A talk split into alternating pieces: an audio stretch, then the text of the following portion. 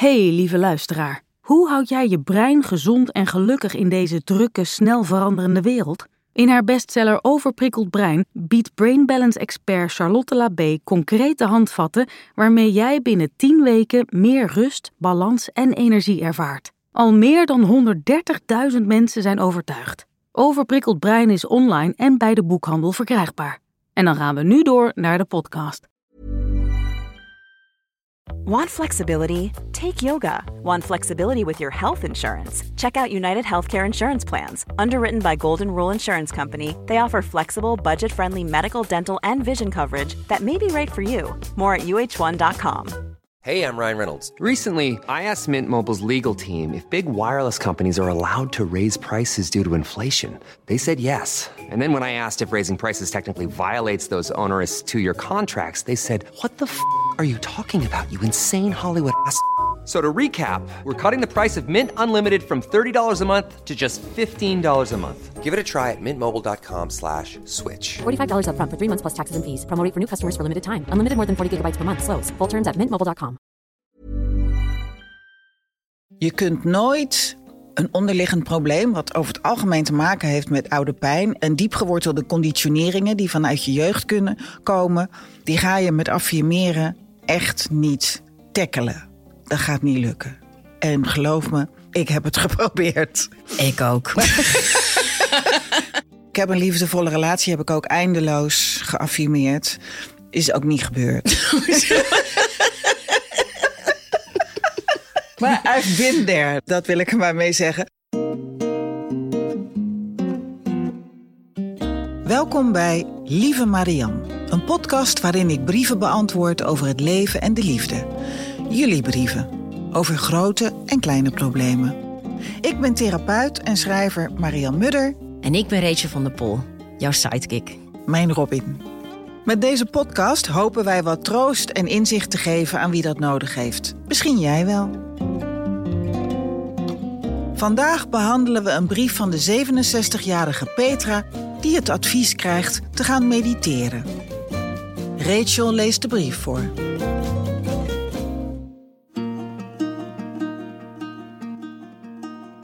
Lieve Marian, ik ga sinds een tijdje naar een mentale praktijkondersteuner op advies van mijn huisarts.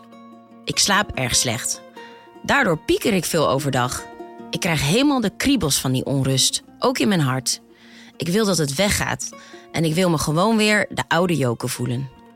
Ik heb leuke kleinkinderen, een moestuin, mijn kinderen zijn gezond, ik heb een dak boven mijn hoofd. Ik ben van de generatie niet zeuren, schouders eronder. Iedereen is altijd bij me welkom. Maar daar heb ik nu helemaal de puf niet voor. Ik voel me daar schuldig over naar de kinderen toe, dat ik nee moet zeggen. En ik schaam me ook dat ik me niet goed voel, want we hebben het hartstikke goed. De praktijkondersteuner heeft me geadviseerd om iedere dag even te mediteren. Hij zegt dat ik me daar rustiger van ga voelen.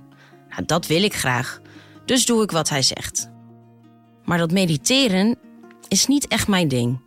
Mijn hoofd blijft heel druk doen als ik naar zo'n meditatie luister. Sterker nog, ik word er alleen maar onrustiger van. Ik wil ermee stoppen, maar mijn dochter zegt dat ik het nog even moet proberen. Zij vertelde dat jij brieven hierover beantwoordt. Dus ik heb samen met haar deze brief geschreven. Heb jij tips hoe ik meer rust in mijn hoofd kan krijgen? Groeten, Petra. Nou ja, als ik naar deze brief luister, dan hoor ik meer dan alleen maar ik heb moeite met mediteren. En ik denk eigenlijk dat er een dieper gelegen probleem is. En dat los je niet zo- zomaar op met mediteren. Ja, misschien als je twintig jaar onder een boom gaat zitten, zoals de Boeddha. Maar eh, voor normale mensen is dat niet echt haalbaar. Want En, waarom gaat dit probleem, waarom gaat dit haar probleem niet oplossen? Ehm, als ik het zo hoor, heeft deze vrouw in de loop van haar leven, die, die, die leeft volgens haar conditioneringen. Ik hoor ontkenning van behoeften. Ze heeft zichzelf heel erg opzij gezet, volgens mij.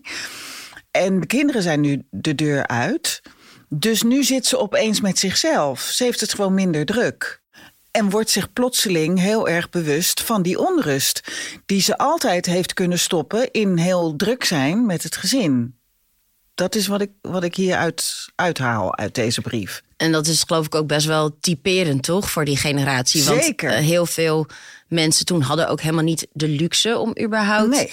te luisteren naar hun eigen Nee. behoeftes. Er moest, eh, ja, moest brood ik- op de plank, kijk, letterlijk. Het zoals hele dat- verhaal van persoonlijke ontwikkeling, wat nu eh, best salonveeg is, zeg maar. Dat, dat is natuurlijk ook een enorme luxe dat we ons het kunnen veroorloven. Dat we daar de tijd en het geld voor hebben om ons daarmee bezig te houden. Dat realiseer ik me heel goed. Dat neemt niet weg dat het een hele belangrijke levensbehoefte is. Die heel lang ook onder het tapijt geveegd is. doordat het leven gewoon te zwaar en te heftig was. Dus dit is ook wel de generatie die een beetje in die overgangsfase zit. Dus ze hebben heel erg geleefd volgens schouders onder en maar doorgaan. En nu komen ze op een punt in hun leven dat ze eigenlijk ja, meer in contact met zichzelf komen. Doordat de omstandigheden veranderen en er een leeg nest is bijvoorbeeld. En dan moet je eigenlijk eh, dieper werk gaan doen met jezelf. Maar meditatie is wel een hele belangrijke vorm van zelfzorg. Dus ik wil eh, het feit dat haar is aangeraden om te gaan mediteren, dat gaat niet het probleem oplossen. Ik denk dat je daar dieper naar moet kijken.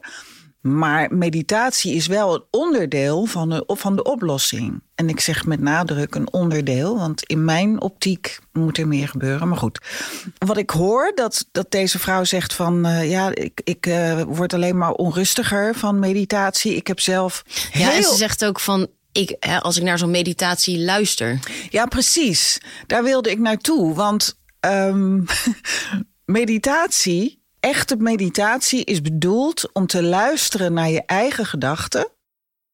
En te leren daar niet op te reageren. Dat is, dat is meditatie. Meditatie is het leren observeren van je gedachten. En ze voorbij te laten gaan. Zonder dat het een reactie opwekt. Dus zonder dat je in gesprek gaat met je gedachten. Wat we, wat we over het algemeen doen.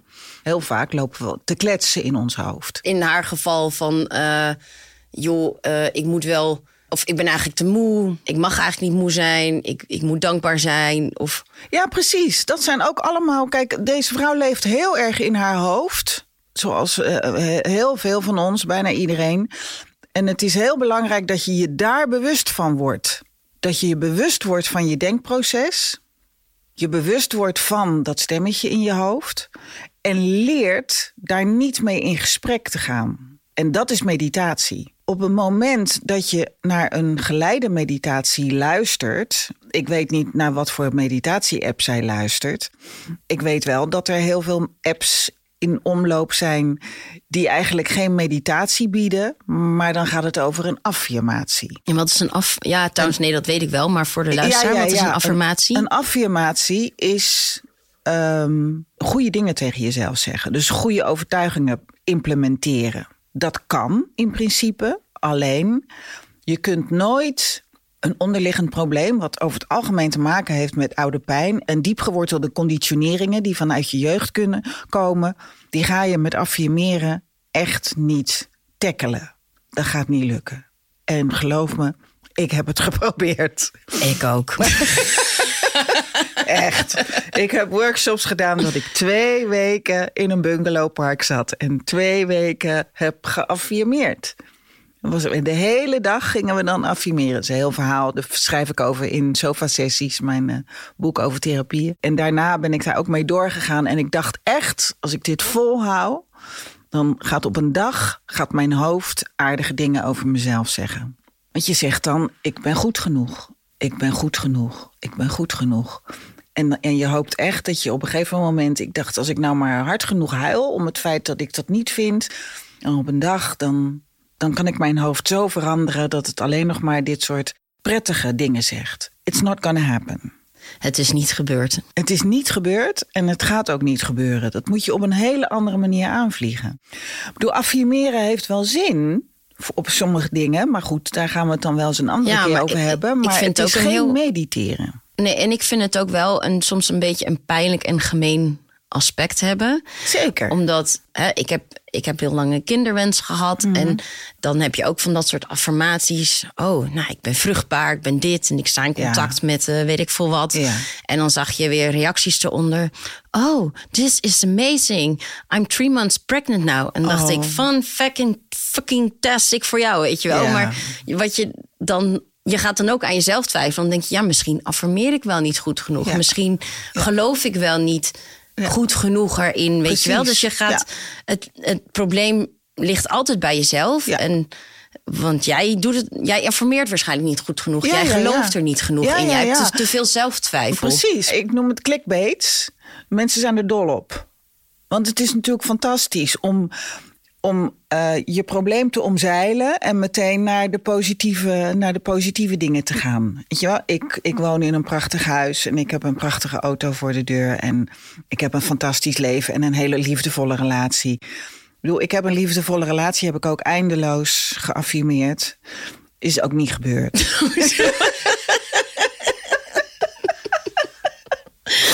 En zo heb ik, ik durf niet te zeggen wat ik allemaal heb geprobeerd te affirmeren. maar I've been there, laat ik, me- dat wil ik er maar mee zeggen.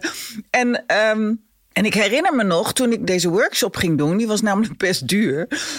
En dat, dat ik aan de dames die, eh, die overigens heel integer waren hoor. Dus dat waren ve- verder hele leuke vrouwen. Maar ik vroeg aan ze van, kom ik van mijn negatieve zelfbeeld af als ik deze workshop ga doen? En zij zeiden ja, ja, ja.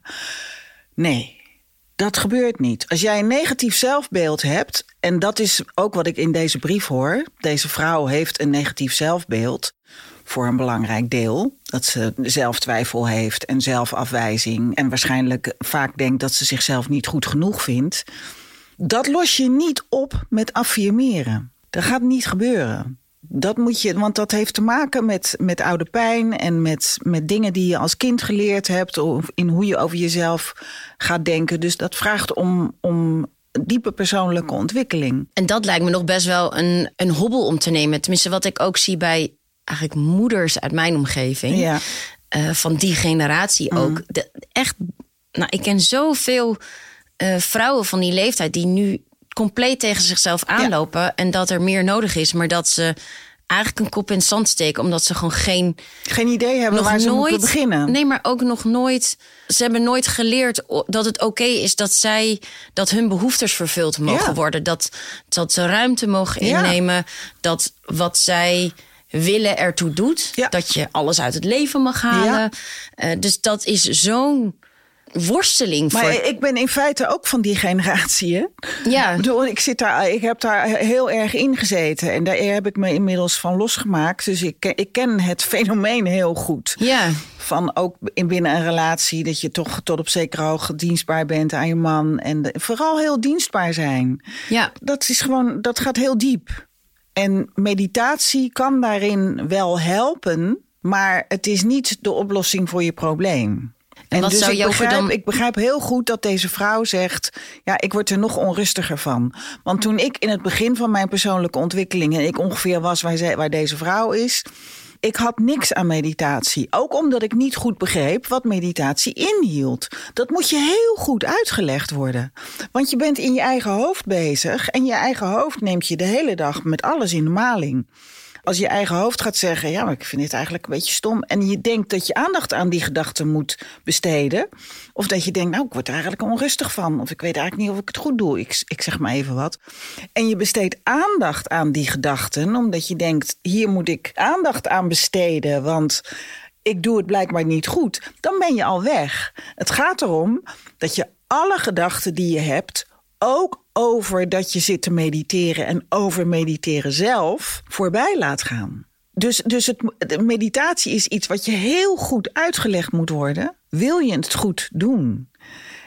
En daarom zijn deze apps voor veel mensen wel fijn. Omdat ze. Ik, ik, ik heb ook wel cliënten in mijn praktijk die zeggen: Ja, maar ik heb zo'n app nodig. Want eh, gewoon maar in stilte zitten, dat eh, lukt me echt niet. Daar ben ik echt te onrustig voor. Maar ja, dat is wel het hele idee natuurlijk. Ik bedoel, ik ga niet roepen van. En je moet en zo. Ik bedoel, eh, soms is zo'n app een hele goede tussenstap. En ik raad het ook wel eens aan, omdat mensen dan in ieder geval beginnen. Maar het idee van meditatie is in stilte zitten. luisteren naar je eigen gedachten en er geen aandacht aan besteden. Want gedachten en aandacht, is heel belangrijk om te weten, zijn twee verschillende dingen. Je kan met je aandacht bij je gedachten zijn of in je gedachten zijn. Of er zijn gedachten en je aandacht is ergens anders. Bijvoorbeeld bij de zintuigelijke beleving van je lichaam. Dat je, je de sensatie van je lijf voelt. Dat je je kleding om je lijf voelt. En dan kun je nog steeds zo gedachten hebben. Maar die zijn dan wel wat. Er zit wat meer ruis omheen, omdat je er geen aandacht aan besteedt. Als je dat leert, dat is zo fijn. Ja, en dit is ook echt een soort openbaring. Want het is, je kan erover lezen.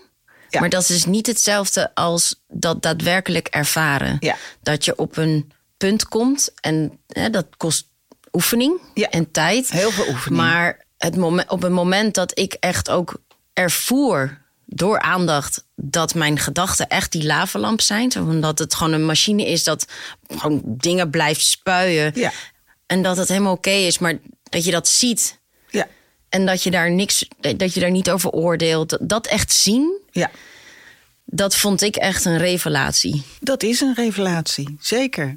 Dat is een klein beetje verlichting. Ja, Dat is echt, het is een heel klein beetje verlichting die je dan, die je dan bereikt. oh, ik hoef er even niks mee. Ja, precies. En ook dat je ziet dat al die gedachten die je hebt, wat jij zegt, het, dat je, je bent gewoon een fontein en die gedachten die zijn random. En als je dat allemaal voor waar aanneemt en overal op reageert, dan heb je gewoon echt niet zo'n leuk leven. Nee. Dat is echt verschrikkelijk. In die zin kan meditatie zo ontzettend veel voor je doen. Als je het goed doet. Als je inziet, dit gebeurt gewoon en dat is helemaal niet wie ik ben.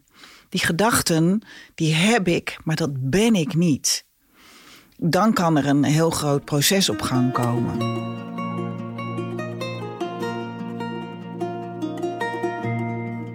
En wat zou je voor nu eh, aan Petra kunnen adviseren? Heb je bijvoorbeeld nog tips voor waar ze kan leren mediteren onder begeleiding? Of Ja, ik zou eigenlijk, als je echt wil gaan mediteren, zou ik ehm, bijvoorbeeld een mindfulness cursus gaan doen. Zeker, wat, dat is mijn eigen ervaring. Als je heel sterk in je hoofd leeft en heel erg geïdentificeerd bent met je gedachten.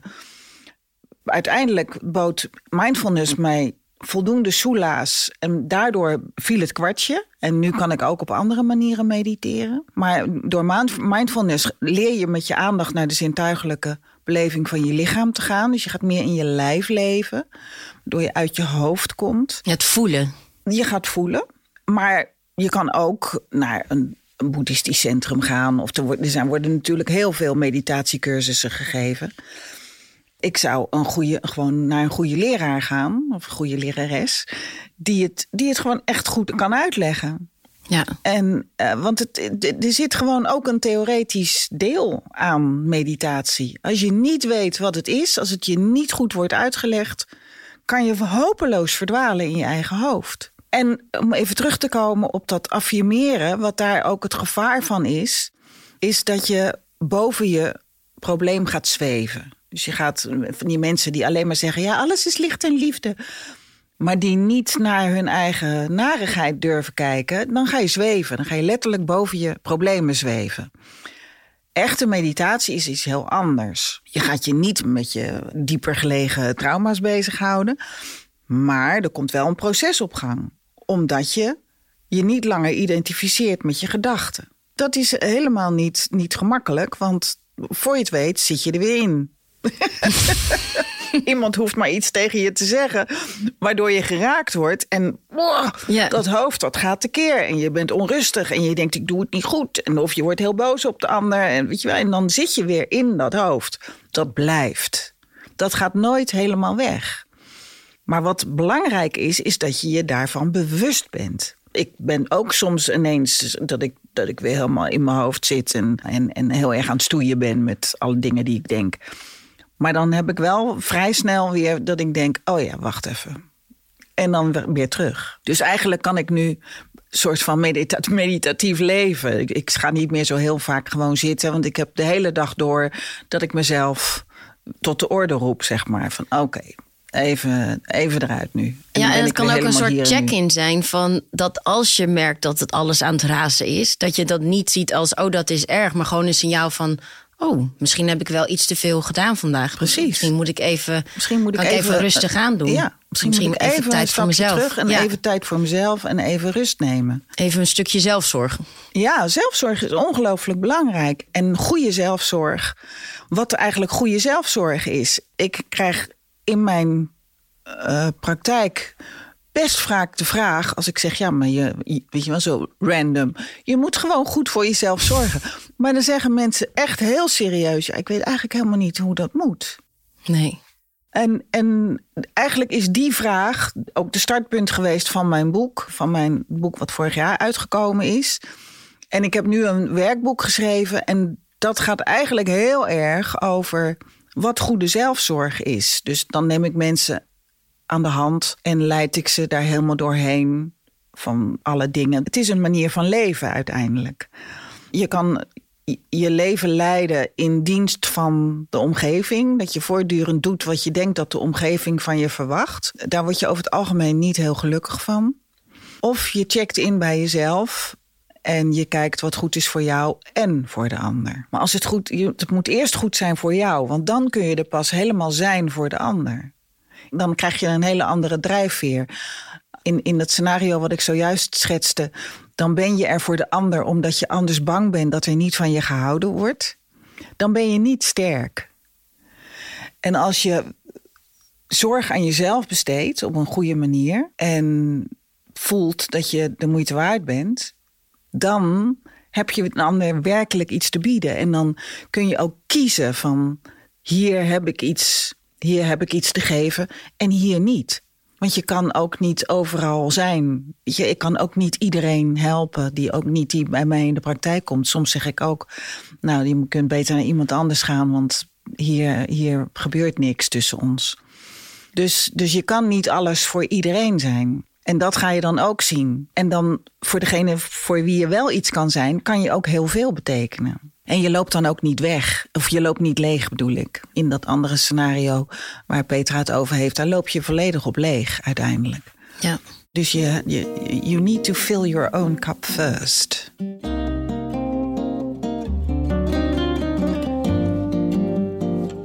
Je luisterde naar Lieve Marianne, een podcast van VBK Audiolab en Ambo Antos. In deze aflevering heb ik het over meditatie gehad en over mijn werkboek dat na deze zomer uitkomt. Dat heet Wat ik eerder had willen weten over stress en onzekerheid en vooral hoe je er vanaf komt. Wil je daar meer over weten? Ga dan naar mijn website marianmudder.nl. Zit je zelf met een probleem waar je niet uitkomt? Dan kan je een brief sturen naar lievemarian.gmail.com. Ik kan niet alle brieven beantwoorden, maar ik lees ze wel allemaal. Ik probeer zoveel mogelijk thema's te behandelen, zodat ook jouw probleem behandeld wordt, maar dan misschien verpakt in een ander verhaal. Dus blijf me vooral schrijven.